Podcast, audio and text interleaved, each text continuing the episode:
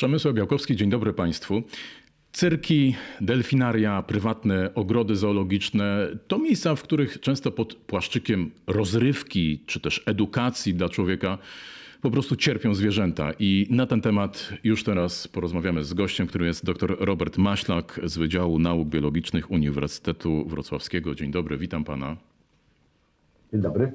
Zacznijmy od delfinów. Niedawno miała miejsce premiera filmu polskich aktywistów, y, który opowiada o losie delfinów w Japonii, o polowaniach na delfiny. Jak te polowania wyglądają? Y, no, wyglądają dosyć dramatycznie, dlatego że y, delfiny zapędza się do małej zatoki, kiedy jest ich tam już odpowiednia ilość, kilkadziesiąt zwykle, czy nawet więcej E, no wtedy zaczyna się e, rzeź. To znaczy rzeź, dlatego że duża część tych e, delfinów jest użytkowana na mięso. Mm, to znaczy można oczywiście tutaj dyskutować, no tutaj, tutaj w tej chwili można powiedzieć, że to mięso jest raczej pretekstem, dlatego że ono nie cieszy się nawet w Japonii szczególnym powodzeniem. Mm, nie jest wcale łatwo je sprzedać. Natomiast jest to pretekst do tego, żeby de facto y, przy okazji odławiać, niejako przy okazji, odławiać młode delfiny, które no, oddziela się od matek, mm, więc odbywa się to y, bardzo często w morzu krwi, mm, gdzie po prostu dorosłe delfiny są zabijane, natomiast młode są za pomocą no, takich noszy, byśmy powiedzieli, e, zabierane na łodzie, Mm, i transportowane e, najpierw do takich tymczasowych e, basenów, e, a potem mm, wywożone w świat do delfinariów.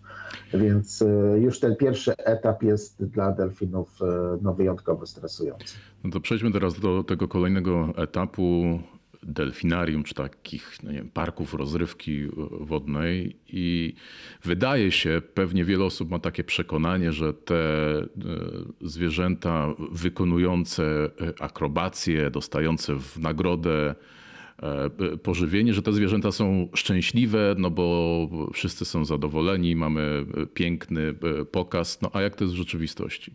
Tak, no to jest bardzo, bardzo mylące pewnym nieszczęściem delfinów jest to, że można powiedzieć, że wyraz ich pyska jest taki, że w nas ludziach wywołuje taką emocję pozytywną, jakby one się uśmiechały, jakby były zadowolone już z tego samego, z, z kształtu tego, tego, tego pyska.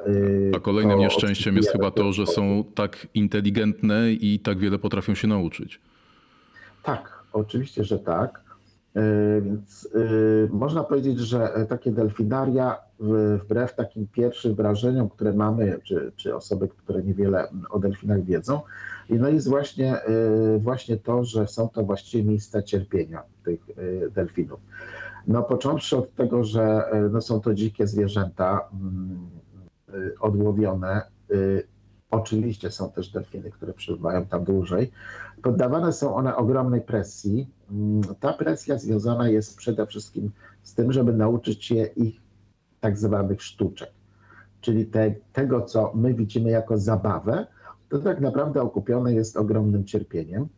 E, mm, w przypadku delfinów trudno jest stosować takie tradycyjne techniki, jakie stosują cyrki, to znaczy bicie czy stosowanie jakichś mm, powiedzmy, nazwijmy to pobudzenia elektrycznego czy kar. E, tutaj stosuje się e, głodzenie. To jest podstawowa metoda mm, tresowania delfinów. No po prostu delfin otrzymuje pokarm wtedy, kiedy nauczy się wykonywać pewną sztuczkę. Ale to nawet to jest jakby jedna sprawa, sposób treningu, tresowania tych zwierząt, ale sam fakt przebywania ich w niewoli, już sam fakt jest pewną formą znęcania się nad nimi, dlatego że one mają ogromne potrzeby, gdy chodzi o środowisko. Na, chodzi pewnie o przestrzeń. Morskie. Przestrzeń jest nieograniczona w naturze, prawda? Tak, a, a tutaj... tak. Tak, to chodzi to zarówno o przestrzeń, no bo one pokonują duże odległości u, u, tych gatunków, które mają duże areały osobnicze, czyli miejsca, gdzie w ogóle przebywają, To jest, to jest ważny czynnik, ale nie jedyny. Delfiny mają są zwierzętami wyjątkowo, ssakami wyjątkowo inteligentnymi, mającymi ogromne zdolności poznawcze, tworzącymi grupy przyjacielskie. Te potrzeby socjalne są bardzo rozbudowane u nich. Mm, mają świetnie y, rozwinięty mózg i y, można powiedzieć, że właściwie tylko dlatego, że żyją w zupełnie innym środowisku, nie do końca y, potrafimy je zrozumieć i nie do końca potrafimy też, bym powiedział, im współczuć, w sensie takim, że one nie wywołują takiej empatii jak ssaki, które są do nas bardziej podobne. Natomiast te potrzeby są naprawdę bardzo duże i plus jeszcze jest to inny świat, znaczy jest to świat dźwięków. E, o ile my posługujemy się głównie wzrokiem, o tyle e, dla delfinów ważna, ważny jest dźwięk. E, posługują się echolokacją, tak jak nietoperze.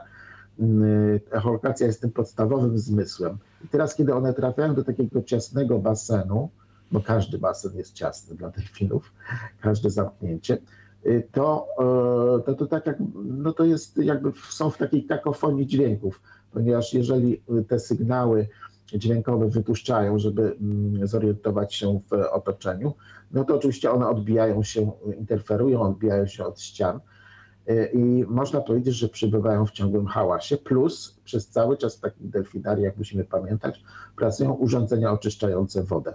No, choćby dlatego, że nie wiem, taka woda może, może upaść na turystów, spaść w momencie takich sztuczek i nie może tutaj e, być jakby ryzyka zakażenia, prawda? Więc stale te głośne urządzenia pracują w tej wodzie i przebywają właściwie w ciągłym, w ciągłym hałasie. Więc to jest, no, to jest to jest po prostu e, zadawanie cierpienia, znęcanie się.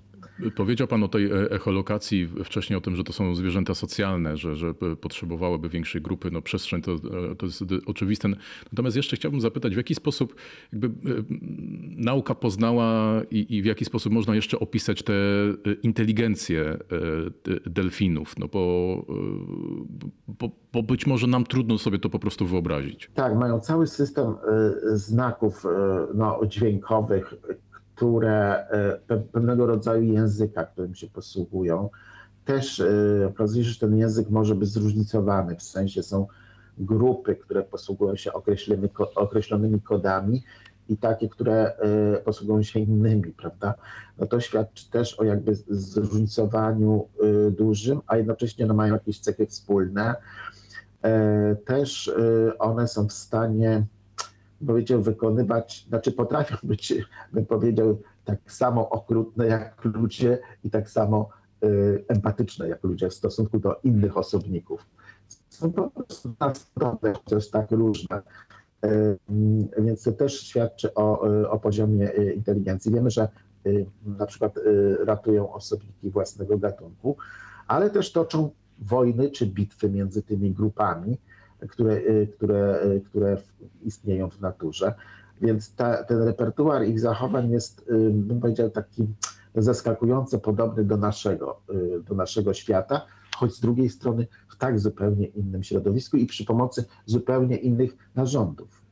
A jak wygląda emerytura takich delfinów w niewoli? Znaczy one pracują do końca, dopóki można e, to pracują, dlatego że e, wytresowanie takiego delfina no to jest e, zwykle kilkadziesiąt, przynajmniej kilkadziesiąt, czasem kilkaset tysięcy dolarów, bo taki delfin na tym rynku, bym powiedział, delfinariów, no to jest koszt minimum 100 tysięcy dolarów, ale to taki zupełnie niewytresowany, do nawet ponad miliona, kiedy jest to delfin no już taki, który wykonuje bardzo, bardzo wiele e, sztuczek.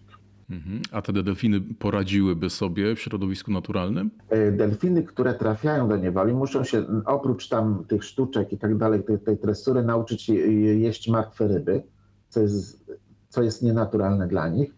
Więc e, przyzwyczają się oczywiście do tych ryb, natomiast nie ma problemu, żeby one żyły z powrotem po wypuszczeniu na, wo, na wolność, normalnie funkcjonowały.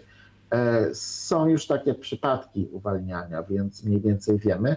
Są też takie miejsca, które nazwałbym azylami, kiedy część zatoki jest po prostu odgrodzona i tam mogą te, e, te delfiny no, przechodzić taki bym powiedział, kurs życia na warunkach półwolnościowych na początku, a potem na wolności. Ale, ale faktycznie w stosunku do wielu innych gatunków ssaków, których nie moglibyśmy wypuścić, to w przypadku delfinów wydaje się, że to jest dużo łatwiejsze.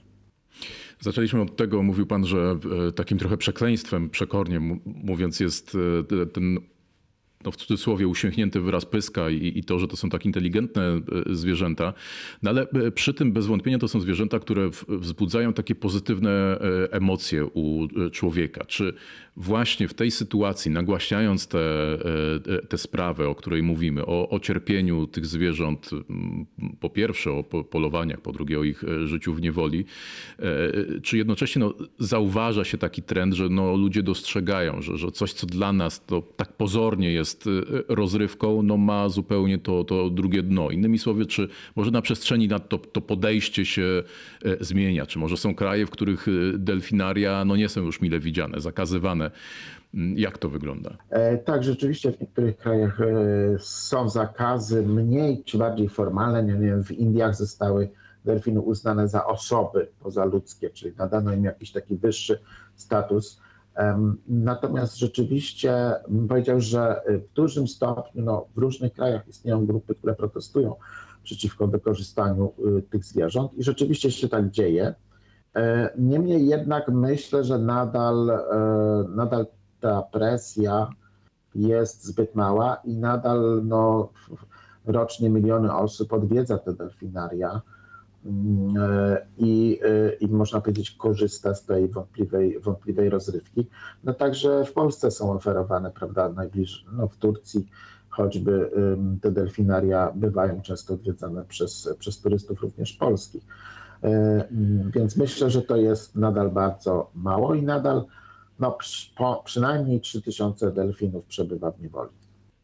To może teraz trochę e, szerzej, już nie tylko do, o delfinach, e, ale też o takiej, no, może powiedziałbym, namacalnej czy polskiej perspektywie, bo, bo o ile rzeczywiście, żeby zobaczyć delfiny, trzeba gdzieś wyjechać na wakacje za granicę, no to wciąż są w naszym kraju y, miejsca, w których zwierzęta są przetrzymywane y, w niewoli, ale też i od razu zapytam o, o te zmiany, bo, bo wydaje się, że te zmiany są dostrzegalne. Mam tutaj oczywiście na myśli e, cyrki, jak, jak to się zmieniało, jak tutaj zmienia się podejście. Z jednej strony prawne, a z drugiej strony no też takie nazwałbym to może wrażliwość społeczna w tym zakresie. No ja bym powiedział, że, te, e, że, że prawo nie nadąża za tymi zmianami społecznymi, które się dokonują.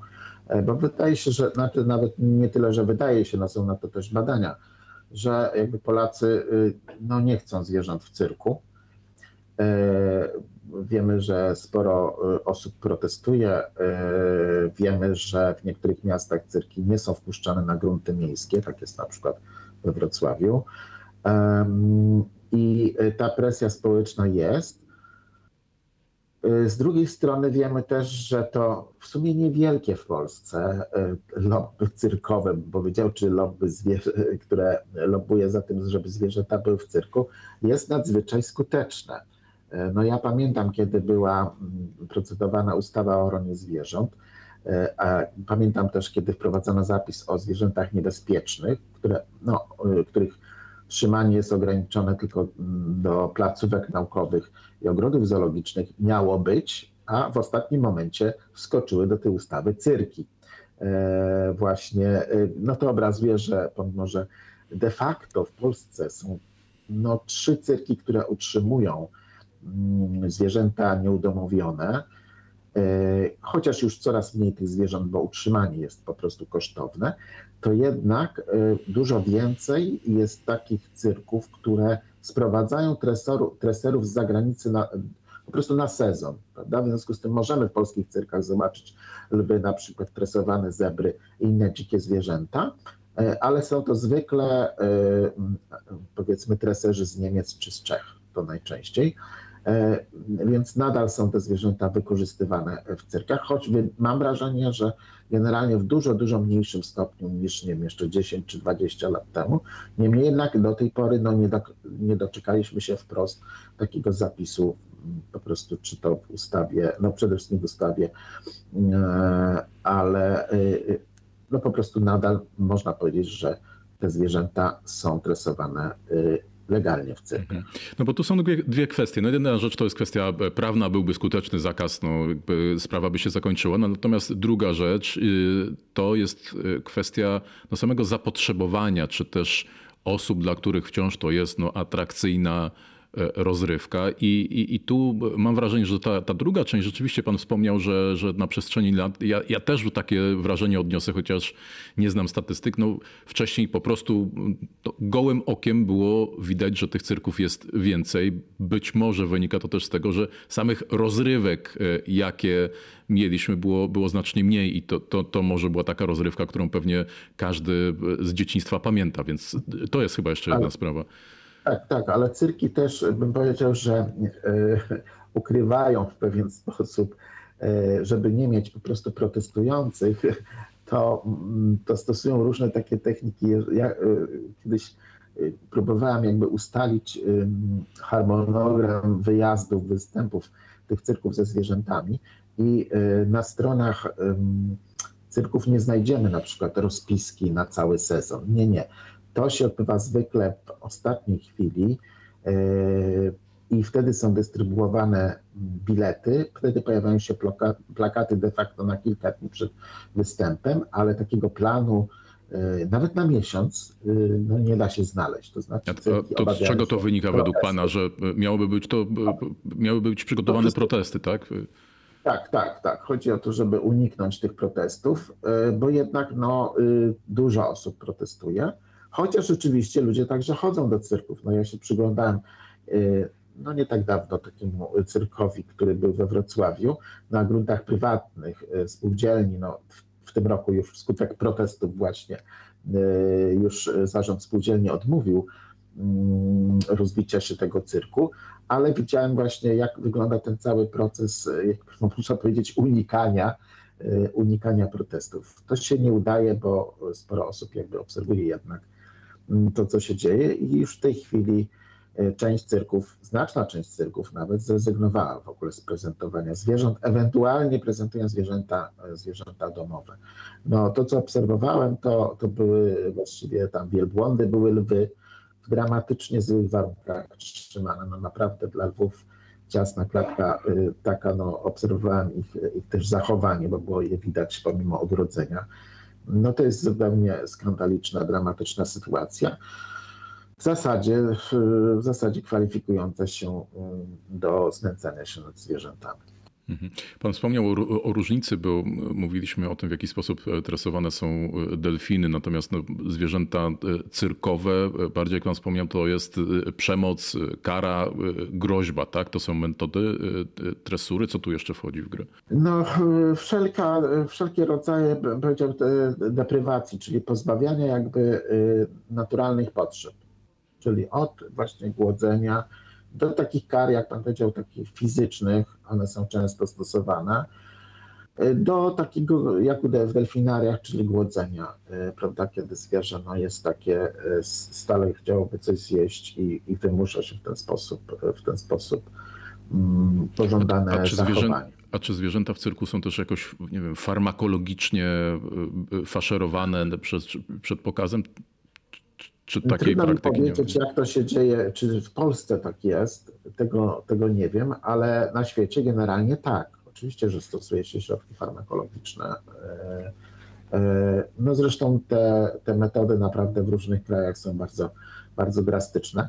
W, ja badając niedźwiedzie w niewoli z, z koleżanką z Instytutu Ochrony Przyrody PAN w Krakowie, mieliśmy e, taką sytuację, że był tu niedźwiedź na przykład z Rosji, gdzie e, po prostu nadal uszkadza się jedno oko takiego niedźwiedzia, wybija się takie oko od strony tresera, bym powiedział, od strony w sensie, że niedźwiedź jest tak tresowany, żeby tego tresera nie widział. E, w każdym razie, żeby nie miał jakby, no nie mógł zareagować szybko, prawda?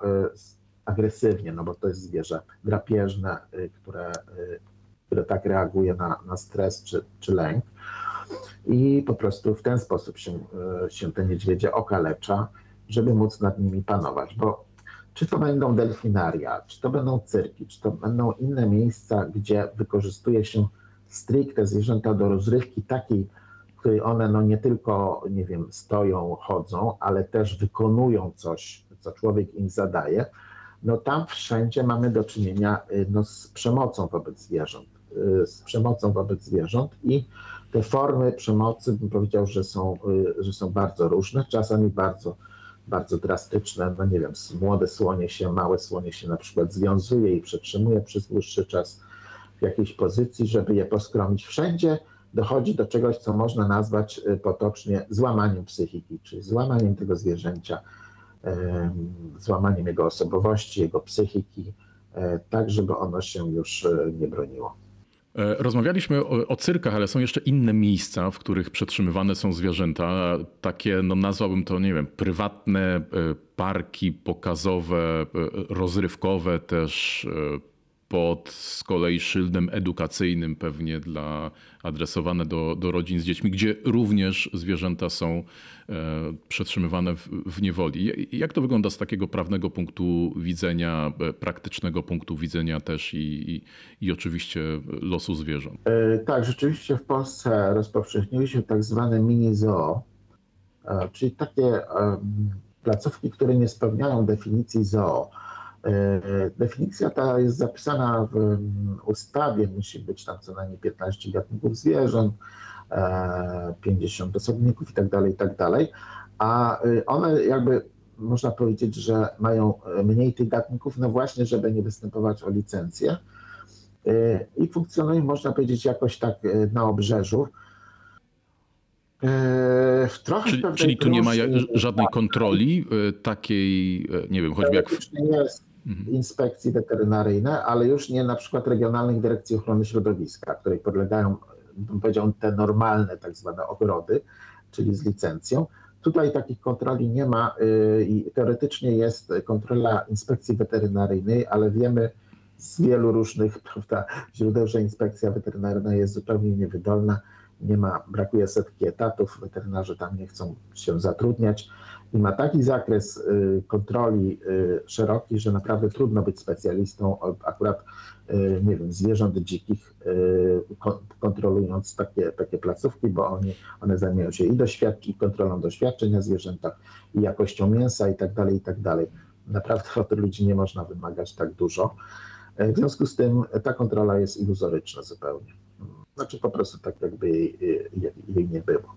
Mhm. Więc a warunki życia zwierząt, no one nie zawsze są złe. Powiedzmy, że nie wiem, jak przetrzymywane są zwierzęta kopytne na dużych przestrzeniach, no to y, jakby ten, ten, powiedzmy jakiś ten minimalny poziom dobrostanu jest zachowany.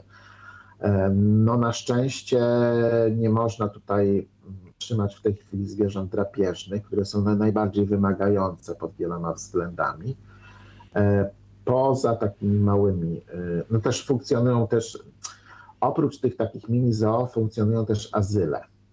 Y, to znaczy ośrodki rehabilitacji formalnie, bo w Polsce jakby te, te azyle, azyle jako takie miejsca przetrzymywania dożywotniego dzikich zwierząt de facto nie funkcjonują, ale ośrodki rehabilitacji, których teoretycznie celem jest y, przywrócenie zwierząt do natury, no część tych zwierząt nie da się przywrócić one tam zostają. I też jakość powiedzmy tych placówek jest bardzo różna i one, one de facto, część z nich jest zamknięta, do części można jakby wejść, więc de facto takie też podobne trochę jak do mini zoo, bym powiedział, tylko inaczej się, inaczej się nazywające. Ale ale myślę, że znaczy to jest w Polsce oczywiście. Na świecie jest to jeszcze mniej uregulowane i, i te formy wykorzystywania zwierząt są jeszcze bardziej, bym powiedział, mm, rozpowszechnione. O czym, o czym mieliśmy, przepraszam, mieliśmy okazję też przekonać się przy okazji wojny w Ukrainie i, i, i też bardzo medialnych e, sytuacji e, odbierania zwierząt i z, z ogrodów zoologicznych, e, e, które no, były objęte strefą działań wojennych, ale też z wielu takich właśnie prywatnych no, hodowli czy, czy, czy ogrodów zoologicznych. E, I, i, I, przy okazji pytanie, no, zastanawiam się, czy to też może jest kwestia taka może trochę mentalności takiej wschodniej. No, to mamy dużo takich nie wiem, pewnie przed oczami prześmiewczych obrazków, jak to tam Rosjanie gdzieś na Dalekim Wschodzie z tymi niedźwiedziami to nie wiem, wódkę piją, siedzą przy stole i nie wiadomo, co, co jeszcze robią, że, że tak trochę stereotypowo, mentalnościowo, no jednak te, te, te dzikie zwierzęta, takie niebezpieczne, no tam są wciąż takim no, czymś atrakcyjnym, obecnym e, w życiu ludzi. E, być może, że tak jest. Trudno mi jest to e, oceniać, czy to jest kwestia mentalności, no bo niestety również w krajach zachodnich mamy do czynienia z, takim, z przykładami jakby no, takiego złego traktowania, ale faktycznie, y, no myślę, że też brak norm prawnych, które pewnie wynikają również z tej mentalności. Y, ja y, no bardziej przyglądam się sytuacji niedźwiedzi w niewoli, bo tym się jakby zajmuję od lat. I rzeczywiście jakby w samej Ukrainie jest problem ogromny z tym. Dokładnie nie wiadomo, ale kilkadziesiąt niedźwiedzi, może sto, mm, przebywa nadal w takich warunkach no, dramatycznych przy stacjach benzynowych prywatnych rękach. Mm, nie ma za bardzo co z nimi zrobić, dlatego że y, chociaż prawo się zmieniło, to nawet y, nie można ich konfiskować, bo po prostu nie ma gdzie ich umieścić. Jest kilka azyli, mm, które są finansowane głównie przez organizacje z Europy Zachodniej, ale no one też mają swoją pojemność, prawda? Więc, y, więc sytuacja jest taka dosyć trudna i będą, no lata upłyną, zanim choćby właśnie w Ukrainie uda się ten problem tylko niedźwiedzi rozwiązać, a to jakby nie jest jedyny, jedyny problem. Więc nadal na Bałkanach mamy do czynienia, gdy chodzi o niedźwiedzie, z taką sytuacją i właśnie w Europie Wschodniej, poza Unią Europejską, bym powiedział, bo w Unii mimo wszystko jakby te regulacje już są yy, no, bardziej ostre i tutaj jakby możemy więcej zdziałać.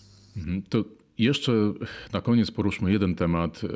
Myślę, że to być może najbardziej drastyczny, a na pewno najbardziej bulwersujący, czyli takie polowanie na zwierzęta z czystej, trochę z trudem mi to przechodzi przez gardło, ale przyjemności, no bo to tak, tak należy rozumieć, czy tak należy e, czytać e, to, w jaki sposób ludzie zajmujący się tym e, opisują to, co robią. Ja widziałem, zwróciłem uwagę w Pana mediach społecznościowych, Pan jakiś czas temu zamieszczał taki wpis zdjęcia e, zawodowej sportsmenki ze Stanów Zjednoczonych, która zajmuje się łucznictwem i jej kolejne, w cudzysłowie, e, trofea z, z Afryki, z, z, wyjazdów e, e, po świecie. Ja też poczytałem, wszedłem na jej profil, poczytałem komentarze i, i, tam, szczerze mówiąc, spodziewałem się, że tam będzie mnóstwo komentarzy negatywnych, będą komentarze obrońców praw zwierząt. Natomiast tam niestety jednak było całe mnóstwo takiego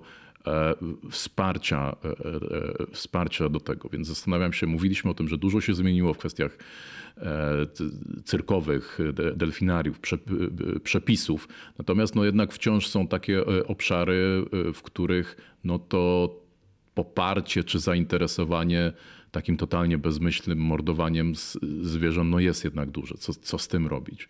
No chyba najbardziej nas bulwersuje e, nawet nie samo zabijanie, co fakt, że to, ma, że to sprawia radość. No raczej rzeźnicy nie dają e, swoich zdjęć z rzeźni na na profile społecznościowe. Mm, natomiast y, tutaj rzeczywiście bulwersująca jest, no, bym powiedział, radość z zabijania, bo trudno to inaczej nazwać. Mm, ten proceder ma miejsce na całym świecie. Dla mnie szczególnie takim, powiedział, wręcz perwersyjnym sposobem użytkowania zwierząt to jest to, co w tej chwili w Afryce, w RPA głównie, ale nie tylko, się rozpowszechniło. To znaczy pełne wykorzystanie zwierząt y, na tyle, na ile się da, to znaczy Mm, małe lwy odbiera się matkom. Y, najpierw one służą do fotografowania się z turystami, bo są słodkie, małe kocięta, które można wziąć na ręce.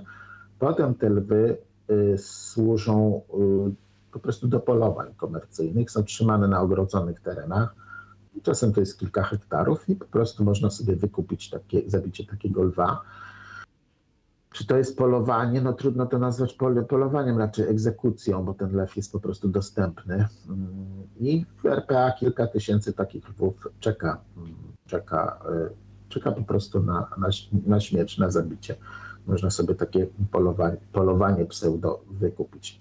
Natomiast to oczywiście jest y, na świecie, natomiast y, chciałbym powiedzieć, że w Polsce również poluje się na zwierzęta dla rozrywki, bo nawet jeśli uznamy, że część polowań y, no, jest związana z jakimiś celami, nie wiem, ochrony upraw, czy nawet pozyskania mięsa, No, bo jak to się To- e, określa, e, do regulacji populacji, bo, bo, bo tak tak, zdaje się. regulacji populacji. Tak, to, jest, to jest bardzo, to jest worek, do którego można wrzucić Tak. wszystko.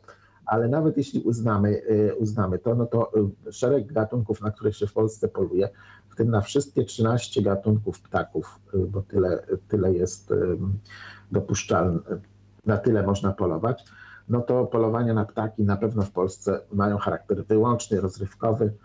Mięso to jest marginalny, zupełnie, e, zupełnie marginalna sprawa mm, i po prostu traktowane są wręcz jak rzutki, e, do których się strzela. Strzela się właściwie na ślepo, bo trudno rozróżnić gatunki chronione od niechronionych.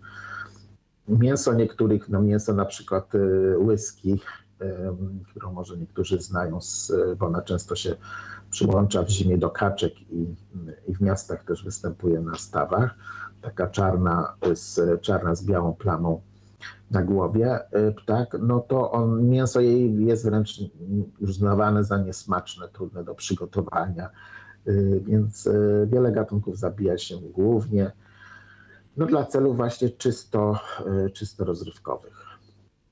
No to wszystko też pokazuje takie przyzwolenie społeczne i perspektywę, bo z kolei jeśli my słyszymy czy widzimy o tym, że nasze polskie bociany gdzieś tam na terytorium Libanu są traktowane właśnie znowu jako te żywe, latające rzutki, no to jesteśmy zbulwersowani, ale przymykamy oko, czy, czy nie widzimy innych podobnych sytuacji dotyczących innych gatunków już, już na naszym podwórku. Tak, ale jak prześledzimy y, na przykład s- y, sondaże, które były robione przez, przez, i przez organizacje, ale też przez media,